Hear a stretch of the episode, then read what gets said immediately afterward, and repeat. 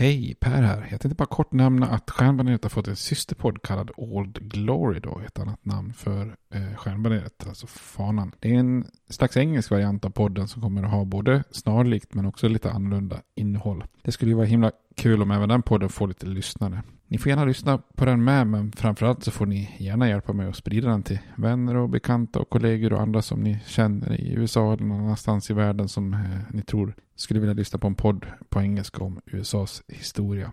Tack, det var bara det jag ville säga. Nu kommer avsnittet. Hej då! Millions of people have lost weight with personalized plans from Noom.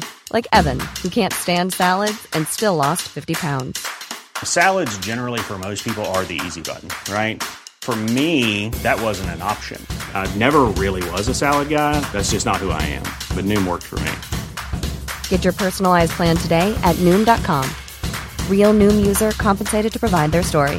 In four weeks, the typical Noom user can expect to lose one to two pounds per week. Individual results may vary.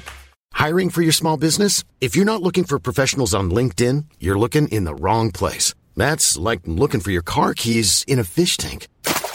LinkedIn helps you hire professionals you can't find anywhere else, even those who aren't actively searching for a new job but might be open to the perfect role. In a given month, over 70% of LinkedIn users don't even visit other leading job sites. So start looking in the right place. With LinkedIn, you can hire professionals like a professional. Post your free job on linkedin.com slash people today. Hey, it's Ryan Reynolds, and I'm here with Keith, co-star of my upcoming film, If, only in theaters May 17th. Do you want to tell people the big news?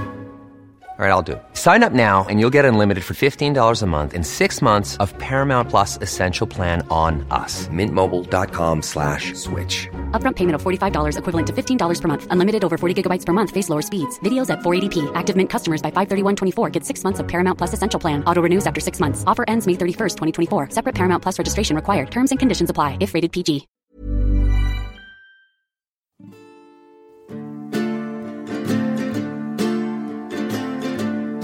We hold these truths to be self-evident, that all men are created equal, that they are endowed by their Creator with certain unalienable rights, that among these are life, liberty, and the pursuit of happiness.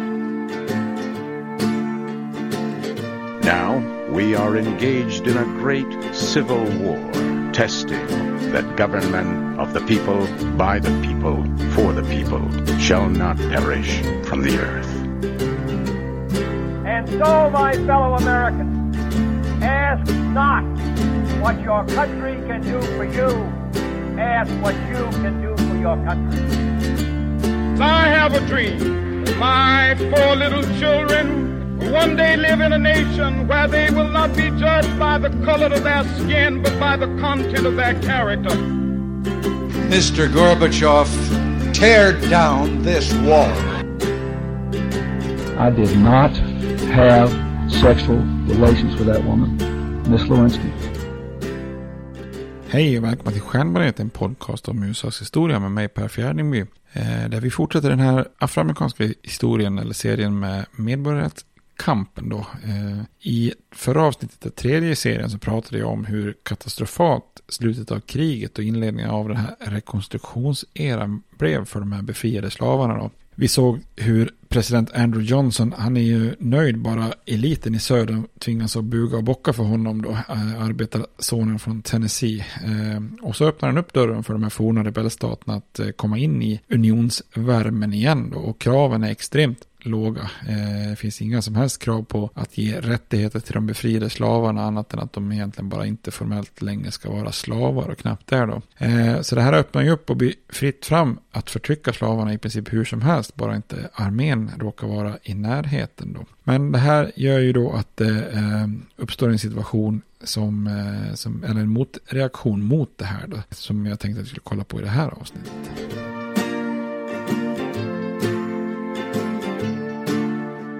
Så i förra avsnittet så pratade vi mycket om de här black codes då, som tillsammans med de här rasupploppen och, och våldet eh, verkligen underminerar president Johnsons snabba, hastiga och hafsiga rekonstruktion av unionen. När kongressen då till slut återsamlas i eh, slutet på 1865 i, i Washington DC så, så möts man då, eh, politikerna från norr då, republikanerna, så möts man då av kongressledamöter som har valts i de här forna konfedererade staterna. Eh, och många av de här är då före detta konfedererade generaler och eh, politiker och ministrar och så vidare då. Eh, en massa helt enkelt vittvättade rebeller då. Och det som sticker i ögonen kanske allra värst är ju att den forna vicepresidenten Alexander Stevens eh, är representerad från Georgia. Så det här är ju helt oacceptabelt för många republikaner. Det är som att fyra års inbördeskrig varit helt i onödan och att liksom samma gamla antagonister nu var tillbaka som om kriget egentligen aldrig hade utspelat sig. Och då börjar man ju fundera här, har allt blod liksom varit förgäves? Eh, republikanerna liksom,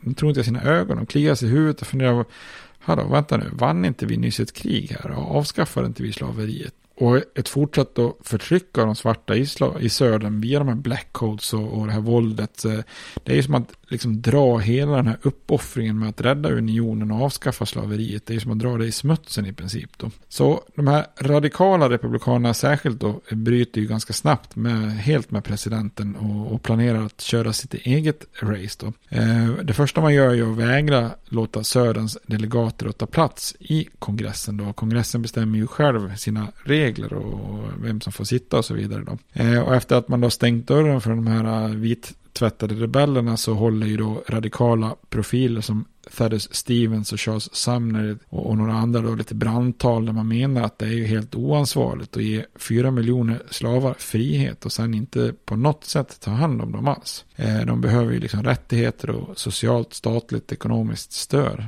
President Johnson han är ju övertygad om att han bara kan ignorera den här lilla gruppen då av radikala republikaner.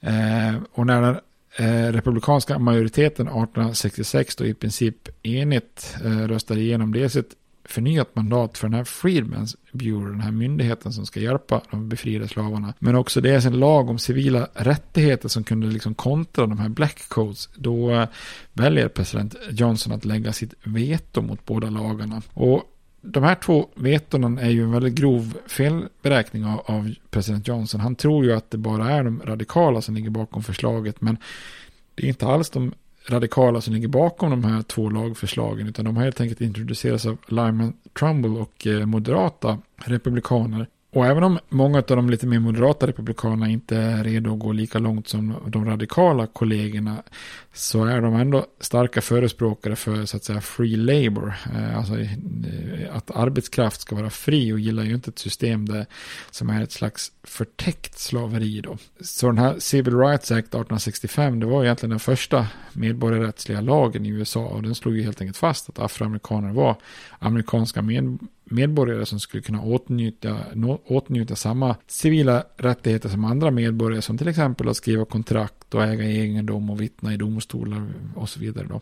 Eh, så med sina två veton så får ju president Johnson istället hela republikanska partiet emot sig då. Eh, och Republikanerna i den här tiden är ju ett parti som helt kontrollerar kongressen med en ganska sinnessjuk majoritet.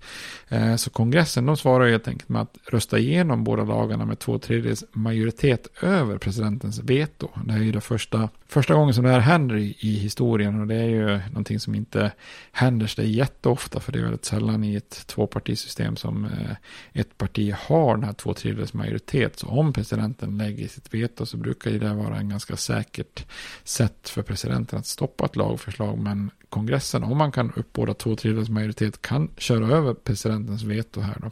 Eh, så med sitt veto så tappar ju Johnson allt tidigare stöd som han har haft från mer moderata republikaner och politiker. Då. Eh, och det som uppstår nu 1866 är ju då en kamp mellan presidenten och kongressen. Eh, det blir nästan som en slags farsliknande situation mellan president Johnson och republikanerna i kongressen. Då.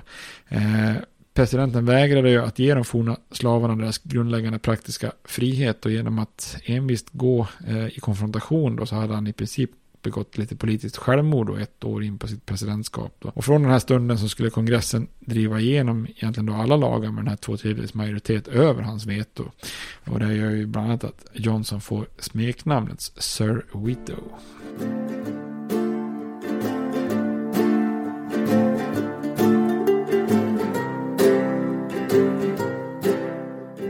Den period som tar vid, tar vid nu då tidsmässigt brukar kallas för den radikala rekonstruktionen. Eh, och republikanerna är ju fast beslutna om att säkra de legala civila rättigheterna för de befriade slavarna. Eh, så kronjuvelen blir ju då det fjortonde tillägget till konstitutionen. Då. Eh, och det fjortonde tillägget, det handlar egentligen om att ta principerna från den här Civil Rights Bill och, och föra in det i konstitutionen så att man liksom då permanent ogiltigförklarar eh, black codes och, och, liknande regler i, i Södern. Eh, så i början av fjortonde tillägget slås, så slås det fast att alla personer som föds i USA blir medborgare i USA. Eh, det ger alltså medborgarskap till afroamerikaner och befriade slavar. Då. Eh, men ja, sen kan man ju alltid se det så här lite lagom eh, ologiskt. Inte ursprungsamerikaner, liksom, alla som verkligen är födda i USA i alla generationer. Eh, ni får inte vara medborgare, men vi kämpar ändå för medborgerliga rättigheter här. Ja, lite avdelning ironi får man tillägga då.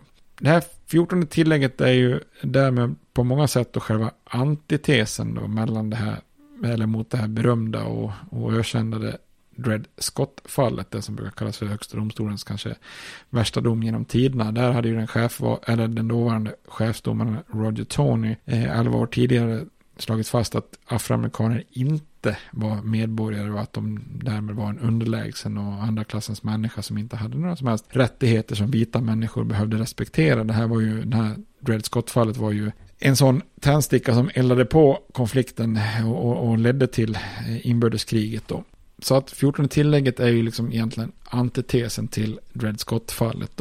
Och på ett sätt kan man säga då att det här 14 tillägget eh, lite grann väver ihop eh, självständighetsförklaringens ideal eh, med konstitutionen. Då. Eh, konstitutionen är ju ganska eh, liksom så, fokus på, på rättigheter och, och materiella rättigheter medan självständighetsförklaringen alltid har varit någon form av moralisk kompass. Då, eh, även om det med viss ironi eh, i stor del av USAs historia inte varit så att all men are created equal. Då, så att säga. Men nu slår man fast då att delstater inte får införa lagar i, i, alltså i det här 14 tillägget slår fast att delstater inte får införa lagar som inkräktar på det som kallas för the privileges and immunities. Eh, alltså att delstater kan inte via sådana här black codes inskränka, inskränka på likhet inför lagen, då, det som kallas för equal protection. Eller inskränka på själva rättsprocessen, det som brukar kallas för due process. Eh, som då till exempel är rätten till eh, jury. Då. Eh, så där och då, 1866, eh, så slår man fast det här medborgerliga rättigheterna. Och en viktig följd av 14 tillägget eh, som också gör, är ju att det också gör om representationsfördelningen i kongressen. För ni minns kanske tidigare att eh, man hade ju på konstitutionskonventet kommit fram till den här kontroversiella trefemtedelsregeln som regeln som ökade slavstaternas makt. Um, Alltså slavstaterna fick ju eh, antalet ledamöter i representanthuset och även då i förlängningen elektorsröster så fick ju man ju den vita befolkningen plus eller fick ju räkna in då den vita befolkningen plus tre femtedelar av slavarna. Trots att slavarna egentligen då ansågs vara egendomar och inte var några som helst personer som hade rösträtt så att säga. Det 14 tillägget gör nu är den andra representationen. Det är ju att alla delstater får representation utifrån total befolkning, eh, svarta som vita. Eh, men det man lägger till och lite smart är att om en delstat valde att begränsa rösträtten så skulle representationen minska i motsvarande utsträckning. Då. Så det här är lite grann det vill säga både piska och morot. Då. Moroten är ju att man ska kunna öka representationen och delstaternas inflytande i representanthuset med två tredjedelar då, så att säga. Men piskan är ju att då måste man också ge afroamerikaner rösträtt för annars eh, minskar inflytandet med tre femtedelar. Då. Eh, så republikanerna säger lite så här, vi kommer inte att tvinga er att ge afroamerikaner rösträtt men då kommer ni också att eh, ert inflytande här i Washington att minska rejält mot vad ni var vana med innan inbördeskriget. Eh, 14 tillägget diskvalificerar också alla som haft eh, då konfererade, eh, konfedererade tjänster under kriget. Alltså de som hade svurit på att upprätthålla USAs konstitution innan kriget eh, eh och, och, med federala tjänster. Eh, men som då har haft poster i konfederationen under kriget. Så att det här åtgärden är ju ett sätt att liksom dra tillbaka då president Johnsons de här tidigare benådningarna. Så att inte den här högsta eliten som verkligen drev på inbördeskriget i södern eh, faktiskt kommer att ha eh, rättigheter i, på, på samma sätt. Viktigt att nämna är ju att 14 tillägget är ju ett väldigt omfattande tillägg som verkligen får många följder även idag. Då. Det är lite av en så kallad game changer på konstitutionellt plan. Då. Eh, på många sätt kan man nog säga att det inte finns något annat konstitutionellt tillägg i historien som är lika viktigt som det 14 sett till hur det liksom fortfarande används än idag och eh, hur, hur betydelsen i princip nästan växt fram till idag då. Det är väldigt mycket rättsprocesser i, i domstolar i dagens USA som härrör från de här rättigheterna som equal protection och due process och de här. Det är sådana saker som dyker upp hela tiden nu och själva tolkningen av 14 tillägget har liksom eh, vidgats med tiden då. Demokraterna där och då var ju i princip enhälligt emot det 14 tillägget. Eh, president Johnson fördömde ju det, men han hade ju då heller inte makt att kunna stoppa det. Eh, delstaterna i södern vägrade naturligtvis att ratificera det då, alla utom Tennessee som hade återgått till unionen. Eh, så. Men även kvinnor var lite upprörda faktiskt, för att jag tror vi nämnde det tidigare, men genom att skriva och in och begränsa rösträtten specifikt till män så hade man ju också spegelvänt och uteslutit kvinnor då. Men trots motstånd så hade ju tillräckligt med delstater i norr ratificerat det här tillägget så att det kunde träda i kraft 1868. Och därmed var ju då de befriade slavarna med amerikanska medborgare och eh, de här black codes hade ju då egentligen då avskaffats. Eller ogiltigförklarats.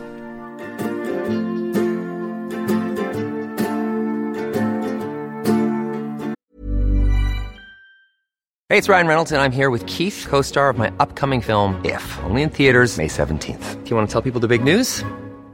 All right, I'll do it. Sign up now and you'll get unlimited for $15 a month in six months of Paramount Plus Essential Plan on us. Mintmobile.com slash switch. Upfront payment of $45 equivalent to $15 per month. Unlimited over 40 gigabytes per month. Face lower speeds. Videos at 480p. Active Mint customers by 531.24 get six months of Paramount Plus Essential Plan. Auto renews after six months. Offer ends May 31st, 2024. Separate Paramount Plus registration required. Terms and conditions apply if rated PG. Hiring for your small business? If you're not looking for professionals on LinkedIn, you're looking in the wrong place. That's like looking for your car keys in a fish tank. LinkedIn helps you hire professionals you can't find anywhere else, even those who aren't actively searching for a new job but might be open to the perfect role. In a given month, over 70% of LinkedIn users don't even visit other leading job sites. So start looking in the right place. With LinkedIn, you can hire professionals like a professional. Post your free job on linkedin.com slash people today.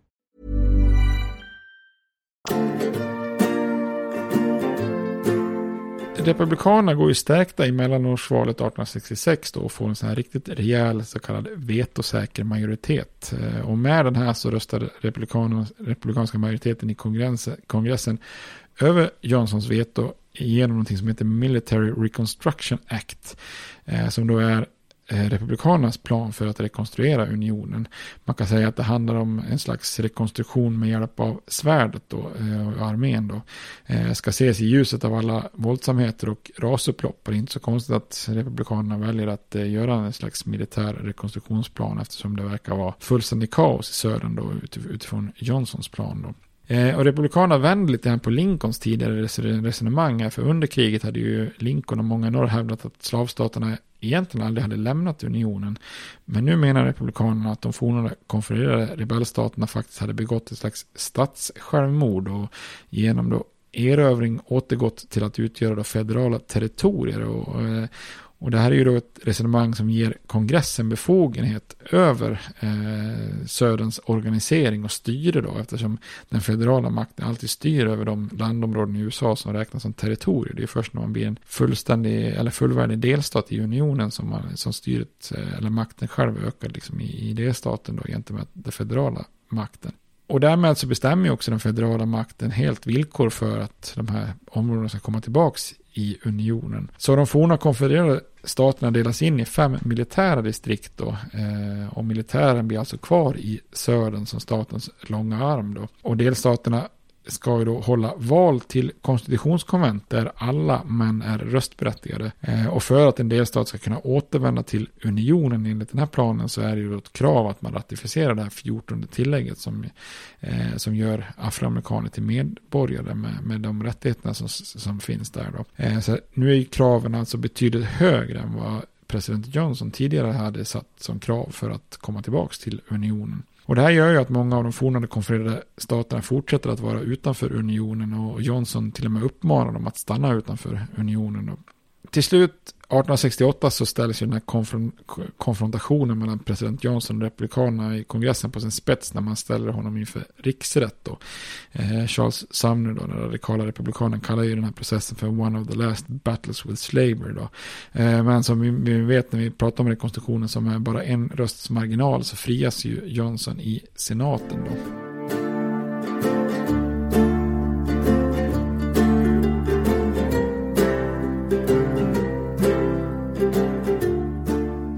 Och det här misslyckandet, misslyckandet att få bort Johnson via riksrätt blir ju ett eh, svårt nedlag för de här radikala republikanerna eh, vars ställning försvagas ganska rejält av det här då. Men de fortsätter ändå med sitt program och lyckas få med sig övriga republikaner på tåget. Eh, och eh, det som seglar upp som en viktig fråga är ju då rösträtten för afroamerikaner. Eh, det är ju ingen självklarhet på något sätt att afroamerikaner skulle ha rösträtt. Då. Eh, innan inbördeskriget hade det varit fullständigt otänkbart. Det hade man sällan ens i nordstaterna. Då. Eh, men kriget förändrar ju mycket då. Afroamerikanska soldater har slagits för unionen och ska de nu inte liksom få då de här rösträttigheterna ska man behöva strida för unionen men inte kan rösta. Verk, verkar inte bra. Så för de här radikala republikanerna var ju det här en no-brainer. Det är klart att de ansåg att de befriade slavarna eh, inte bara förtjänade rösträtt utan de behövde ha rösträtt för att kunna skydda sig själva. Då. Eh, mer moderata republikaner är ju kanske lite mer tveksamma till en början då. Eh, rösträtt för afroamerikaner upplevdes som extremt radikalt för den här tiden. Då. Och man ska komma ihåg att det här är en tidsera när många vita i nordstaterna inte gav afroamerikaner rösträtt i sina respektive stater då. Efter inbördeskriget då, och afroamerikanska soldaters insatser så hade den här frågan eh, väckts i många nordstater också då. Eh, och förslaget röstades ner i, i, stora delstater som New York och Ohio och, och, i delstater med många demokrater som Indiana och Illinois och även i självaste huvudstadsdistriktet DC då. Eh, så där får ju inte afroamerikaner ens rösträtt i Eh, i det fria norr då. Men också i mer progressiva nya delstater, så territorier som Kansas och Nebraska, så, så får inte afroamerikaner rösträtt. Eh, så rösträtt för afroamerikanska män, det var ju någonting som tillöts i nordstaterna egentligen bara i de fem New England-delstaterna i nordöst då. Eh, alltså eh, Maine, New Hampshire, Vermont, eh, Rhode Island och Connecticut. Eh, och några få ytterligare delstater som Iowa, Minnesota och Wisconsin. Så det här är ju inte på långa när en självklarhet att alla republikaner ska förespråka rösträtt för afroamerikaner i södern då. Så moderata republikaner de tvekar ganska länge då eh, för att ge befriade slavar rösträtt i södern. De de vill hellre samarbeta med president Johnson för att etablera ett slags republikanskt parti av lojala vita i södern. Men i takt med att den drömmen grusas så inser ju många moderata eh, republikaner att ett republikanskt parti i södern kommer ju att behöva afroamerikanska röster. Eh, och då blir de, lyckas de då bli övertalade av de, av de radikala då att om afroamerikanska väljare får rösta så är det ju naturligtvis ganska sannolikt att de röstar på Republikanerna och eh, därmed skulle ju Republikanska partiet kunna etablera sig i södern då. Så det skulle kunna skapas en väldigt viktig allians mellan Republikaner och afroamerikaner i södern då via rösträtten. Och många republikaner ser lite orosmoln på himlen eh, om de skulle bygga en sån allians då för om forna konfedererade stater återvänder till unionen så kommer ju de antagligen att ändra sina konstitutioner så att svarta inte får rösträtt. Och enda sättet att egentligen säkra upp rösträtten skulle ju vara att skriva in den i den federala konstitutionen med ett tillägg. Det blir ju det enda liksom vattentäta sättet att faktiskt säkra eh, rösträtten i södern. Så att stödet för rösträtten i södern tilltalar till slut en majoritet av republikanerna, eh, vilket ju också då i och för sig har en baksida för att i, i längden så blir det lite grann katastrof eftersom många republikaner också tänker så här att bara vi har gett dem rösträtten så, så har de, kan de ta politiskt ansvar för sin framtid. Så det är också en enkel väg ut för vissa moderata republikaner att säga okej, okay, vi ger dem rösträtt så, så har vi liksom gjort vad vi, vad vi ska för afroamerikanerna i södern. Men resultatet av allt detta är ju att det 15 tillägget röstas igenom kongressen 1869 och ratificeras av tillräckligt många stater för att träda i kraft 1870. Eh, och det femtonde tillägget innebär ju att rätten att rösta inte ska kunna hindras av, av som man säger, ras, färg eller att man har, tidigare har varit slav. Då. Det finns ju dock en hel del kryphål som Södern kommer att använda sig sen av. Då. Eh, mycket på grund av att rösträtten även begränsades då för afroamerikaner i norr och många vill ju behålla det här så därför var, fanns det vissa kryphål i, i det här. Det hela tillägget är ju lite av en kompromiss då. Men tillsammans så kan man säga då att de här tre tilläggen, 13, 14 och 15, brukar eh, tillsammans då kallas för inbördeskrigstilläggen. Eh, det är ju det som ger slavar, eh, de forna slavarna frihet, medborgarskap och rösträtt. Då. Eh, ingen visste det då riktigt, men det 15 tillägget skulle bli höjdpunkten för de radikala republikanernas eh, idéer. Då. Det fanns ju mer radikala förslag, men de här kunde aldrig få stöd av en majoritet av republikanerna för att drivas igenom dem med en sån vetosäker två tredjedels majoritet i kongressen. Så om man sammanfattar det här då så fem år efter inbördeskriget så hade ju då afroamerikaner i södern fått både medborgarskap och rösträtt. Eh, och det är lätt att med moderna ögon se det här som både naturligt och självklart med eh, alltså näst, nästan någonting som kommer per automatik bara slaveriet avskaffas. Men som jag hoppas att det har framgått av de senaste avsnitten så får man ju verkligen se på det för vad det var där och då. Alltså det är en fullständigt radikal kursändring då. Eh, för det första var det ju bara saken att avskaffa slaveriet inte en självklarhet utan det växte ju fram under inbördeskriget och de flesta vita amerikaner både i nord och syd hade ju inte heller bara helt plötsligt eh, skakat av sig då liksom 250 år av djupt inrotad rasism och en tro på att afroamerikaner var, var underlägsna. Det, det, är ju värderingar som fortfarande ligger kvar då. Eh, förklaringen till den här radikala kursändringen ligger ju väldigt mycket i själva rekonstruktionens förlopp som vi har sett i de så senaste avsnitten då. Eh, en majoritet av befolkningen i norr då, ledda av de här radikala republikanernas vision då, anser att president Johnson gjorde ett väldigt allvarligt felsteg när hans politik ledde till att konfederationens ledare behöll makten i södern och kunde etablera sådana här blackcoats som i princip förslavade afroamerikanerna på nytt. Eh, det, det, det, är ju inte acceptabelt. Och så republikanerna som representerar en majoritet i norr var ju fast beslutna om att den vita befolkningen i södern måste inse att deras förlust av inbördeskriget innebär att deras samhälle inte efter kriget kunde bara återgå till hur det hade varit innan. Alltså någon slags status quo med andra verktyg och begrepp. Det var helt enkelt inte ett alternativ som republikanerna tänkte tillåta. Och republikanerna enas om, och det, eller det de enas om och satsar på är ju att ge afroamerikaner då medborgarskap och rösträtt med förhoppningen att de då också kommer att få inflytande i södern via det nya republikanska partiet där nere då. Så att det är ju det eh, den radikala rekonstruktionen satsar på då. Eh, I det här glömmer man nästan bort det här med polit, att politiska och sociala rättigheter ibland kan vara lite svåra att åtnjuta om man inte har liksom de rätta ekonomiska förutsättningarna. Det vill säga mat på bordet i, i vardaglig mening eh, är ju viktigare än rösträtt och likabehandling till exempel på en teater. Eh, så här kanske man kan säga att Republikanerna gjorde en viss eh, felsatsning. Men det tänkte jag vi skulle prata om i, i nästa avsnitt. Vi ska prata lite om sharecropping och lite annat som växer fram då på det ekonomiska planet efter eh, eller under rekonstruktionen i södern. Men tills dess så får ni ha det bra. Hej då! States like these and their terrorist allies constitute an axis of evil. And if the hippies and the yippies and the disruptors of the systems that Washington and Lincoln as presidents brought forth in this country will shut up and work within our free system of government, I will lower my voice. If the impeachment provision in the Constitution of the United States will not reach the offenses charged here, then perhaps that 18th century Constitution should be abandoned to a 20th century paper shredder. Therefore, I shall resign the presidency effective at noon tomorrow.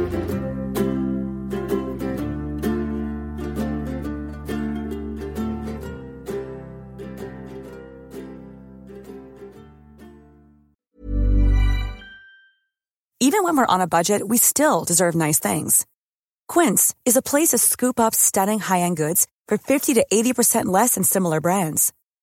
They have buttery soft cashmere sweaters starting at $50, luxurious Italian leather bags, and so much more. Plus, Quince only works with factories that use safe, ethical, and responsible manufacturing. Get the high-end goods you'll love without the high price tag with Quince. Go to quince.com/style for free shipping and 365-day returns.